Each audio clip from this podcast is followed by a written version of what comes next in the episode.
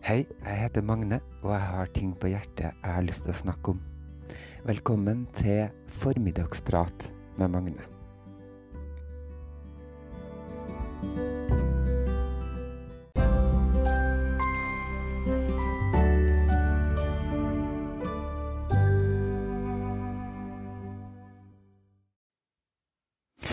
Jeg skal starte med å fortelle om en gang jeg skulle til Nord-Norge.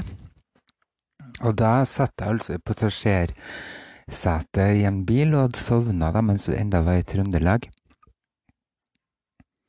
Og så våkner jeg akkurat idet vi kommer inn i Nord-Norge. Det er en sånn stor portal der det står 'Velkommen til Nord-Norge'. Og vi kjører gjennom den, og på venstresida der så er det et jorde med to hester, hvor den ene hesten klatrer oppå den andre, og du ser at tysten reiser seg og blir ø, stor. Så jeg blir altså uh, Jeg får en velkomst inn i Nord-Norge da, med en ekte hestkuk der på venstresida. Jeg forteller det her først og fremst for jeg syns det er en fin historie, og så er det også noe med ord og uttrykk som jeg også interesserer meg litt for. Og så har jeg vært inne på Facebook i dag og sett på sånne gamle minner, da. Og da fant jeg en jeg hadde stilt et spørsmål om folk kunne gi meg forskjellige sanger om døden. For jeg, jeg tror jeg holdt på å skulle lage en forestilling eller noe. Og så trengte jeg litt inspirasjon, og så var det ei som har skrevet en sånn uh, tysk barnesang da, som heter Mein Han is tot. Uh, ja. Hanen min er død. Og da hadde jeg googla det her, og så fått Google Translate til å denne sangen, og da kom det jo fantastisk fine ting. Og jeg prøvde å gjøre det på nytt nå, men Google har visst uh, forbedra seg, sånn at det var mye mer riktig oversatt, kan man si da. Det var mye morsommere før, syns jeg, når Google Translate var litt på halv tolv og ikke helt eh, sånn. Det kom mye gøy ut av det. Så da eh, skal jeg lese to av de versene. Jeg skal lese det som et nydelig dikt. Hvordan to av de versene i Manhan is tot ble oversatt, da. Min kuk stasjoner båt. Han ønsker å se ender. Kikkeri, ga-ga-ga. Min kuk spiser brød. Han er så bortskjemt. Obladi, oblada. Det ble med et helt nytt dikt, og det ga mening på en helt annen måte enn originalen. Det syns jeg er litt artig, og det er innafor Jeg har funnet et sånn fantastisk ord som er serendipity, for det hørte jeg om på en, en annen radioprogram. Det tror jeg var han godeste Ja, nå husker jeg jo ikke navnet på han. Det irriterer meg litt, men det er han som er oversetteren, norske oversetteren av Harry Potter og Ringenes herre. Og de holdt på å snakke om sånne ord, da. Og jeg tror det var i England at det er på førsteplass serendipity, det ordet. Og øh, det kan vel forklares som at det er møter som fører til noe annet enn det man i utgangspunktet hadde tenkt. Og en forfatteren sier det at for han så er det også evnen til å se muligheter i ting som man snubler over. Og um, jeg googla det her, og det er altså en doktor Alexander Flemming, og han oppdaga penicillinen ved en sånn serendipitet, som vi sier på norsk, da. Det vil si å finne noe annet verdifullt enn eh, det man opprinnelig leter etter, da. For han undersøkte egentlig hvordan spytt og tårer påvirka bakterier, men så fikk den ene bakterieprøven tilfeldig eh, Den ble tilfeldig forurensa av eh, noen muggsporer fra et eh, naboeksperiment. Og det førte til at han eh, oppdaga penicillinen og dens funksjon. Da. Og sånn oppdaga jeg altså det her eh, nye diktet, som egentlig skulle være Mein Hanis tot oversatt til norsk helt direkte, men så ble det udirekte oversatt, og så ga det ny mening og ga meg et nytt dikt i livet mitt. Et annet uttrykk som jeg likte veldig godt, i den samme samme sendinga som jeg hørte på da, det var at noen sa De snakka om bøker, og har masse bøker hjemme. Og da var det en som sa at det var en utvendig møblering av hjernen. Det syns jeg var nydelig, nydelig sagt.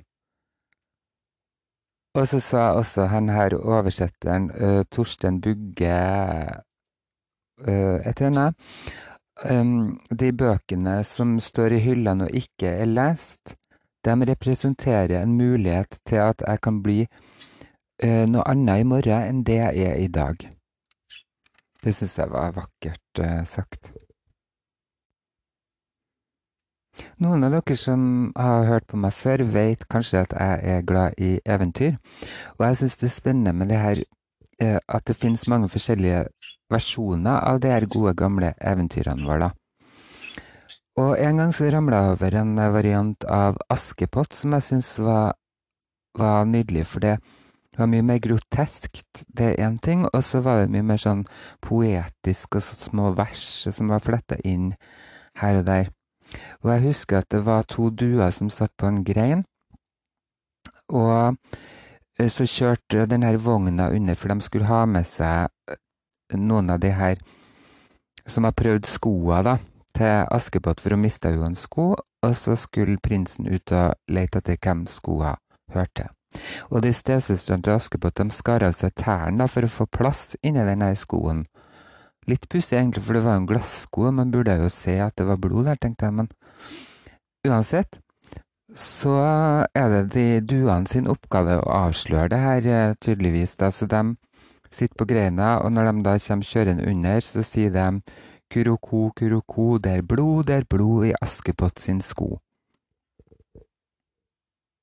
Og når jeg nå holdt på å lete etter denne eh, versjonen, så fant jeg en sånn gammel variant, men den hadde ikke de der den har kutta ut helt det der duene og blodet og, og, det. Men så fant jeg en annen variant, og der var det sånne små, fine vers og små dikt sånn innimellom. Og det syns jeg var nydelig, så jeg lurer på om å lage en egen sånn eventyrstund med akkurat den her Det her eventyret. Tror jeg. Ja. Det skal jeg gjøre. Så hvis du er interessert i det, så kan du følge med på podkasten min og og se om det kommer en eventyrstund som heter Askepott.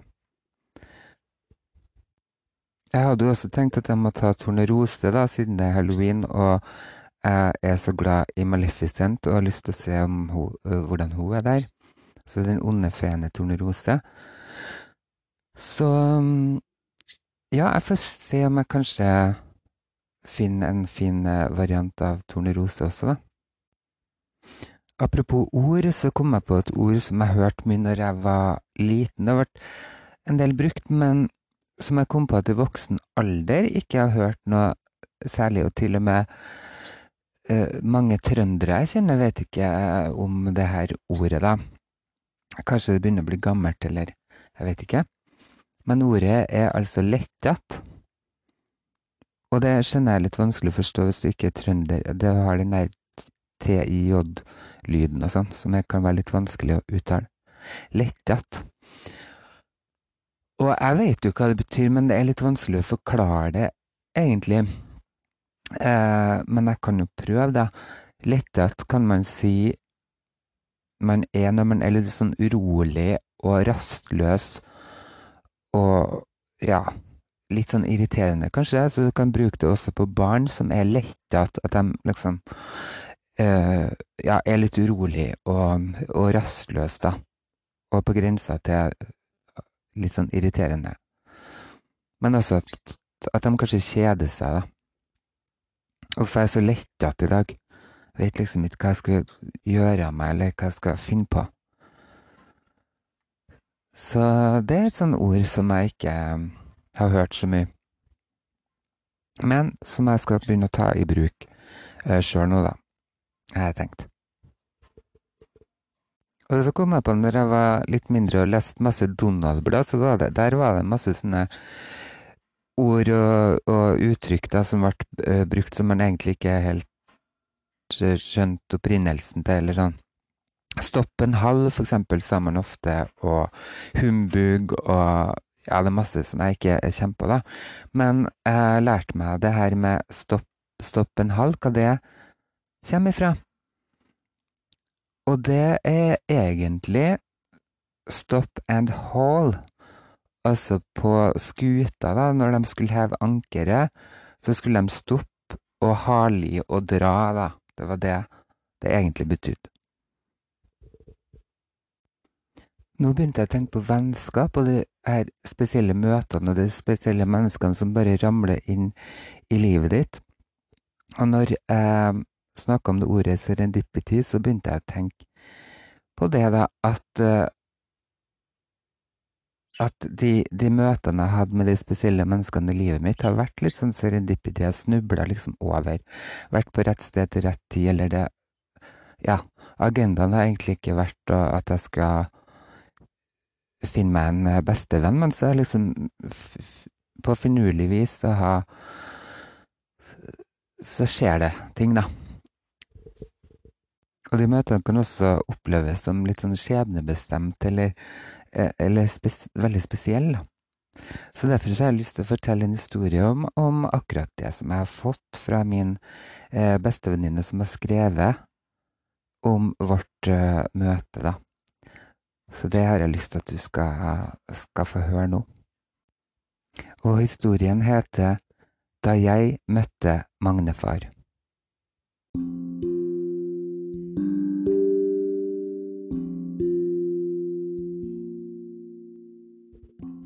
For noe som kjennes ut som altfor mange år siden, travet jeg Trondheims gater på jakt etter mennesker og kafeer.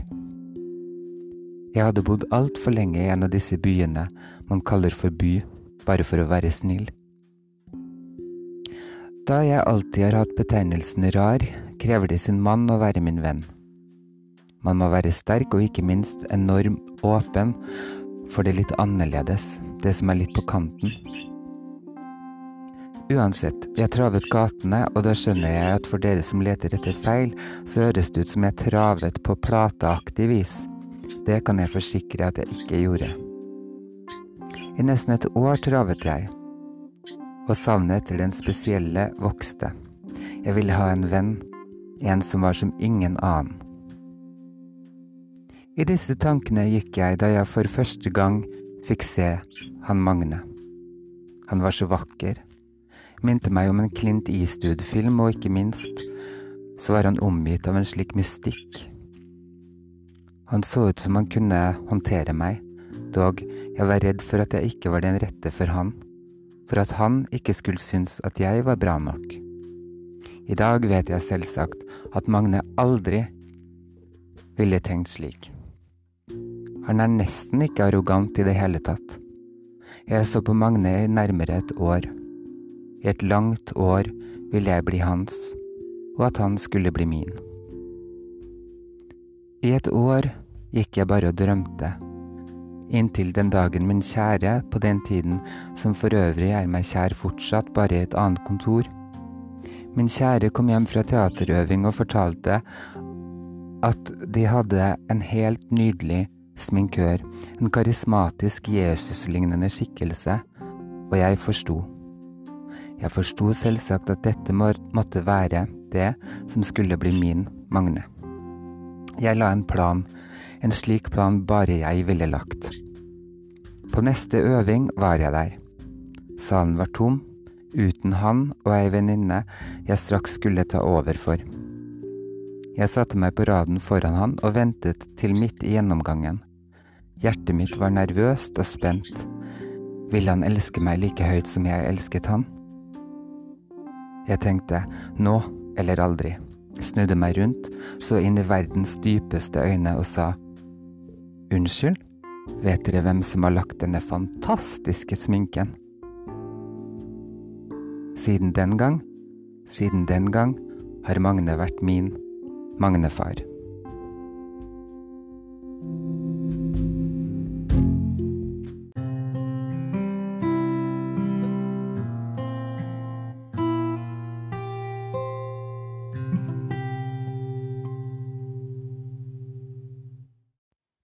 Takk og pris for sånne serendipity-møter. De gir livet mening og, og, glede. Og jeg kjente at jeg ble litt ekstra glad nå av å høre den historien igjen. Og det er så fint med sånne møter, sånne nære, fine, gode møter. Og så har jeg også noen sånne mennesker som jeg bare ramler over i hverdagen eller i jobbsammenheng og sånn stadig vekk, som får meg til å tenke Oi, finnes det en sånn type menneske, eller Og det var forfriskende eller spennende eller rart, eller Det syns jeg er gøy. I går hadde jeg en sånn liten sånn som jeg ble overraska for jeg var på en sånn et uh, jobboppdrag, da. Og så var det en ung gutt som gikk på Steinerskolen, som, som var så flott. Og han lærte meg litt om eurytmi, som er et sånt fag de har på en måte i enkelte steinerskoler. Som er et språk som du gjør med kroppen. Det er en slags øh, Jeg vet ikke hva jeg skal si. Kan sammenlignes med døvespråk på en måte. Bare at du danser da med kroppen. Og med bevegelser armer og hender og sånn. Så de kan lære seg alfabetet. Så han holdt på å lære meg navnet mitt da, på eurytmi. Så kan du også danse dikt og fortelle historier og sånn. Det syns jeg var kult. Og han med sånn innlevelse og entusiasme forklarte meg at man må stå litt sånn lett på tærne, for man, man, skal ikke trampe seg gjennom det, liksom. Man skal ha eleganse og Nei, det var så fint. Så nå har jeg lyst til å gå på eurytmikurs. Jeg har lyst til å leve litt sånn eurytmisk. Til slutt vil jeg si at jeg ønsker meg tankefrø. Vil si eh, det kan være ord eller setninger eller dikt eller hva som helst ting som får meg til å få lyst å tenke på ting, fundere, gruble og filosofere. Sånn at jeg siden da kan lage eh, podkast. Og så må jeg til slutt si tusen hjertelig takk for at du hører på meg. På gjensyn.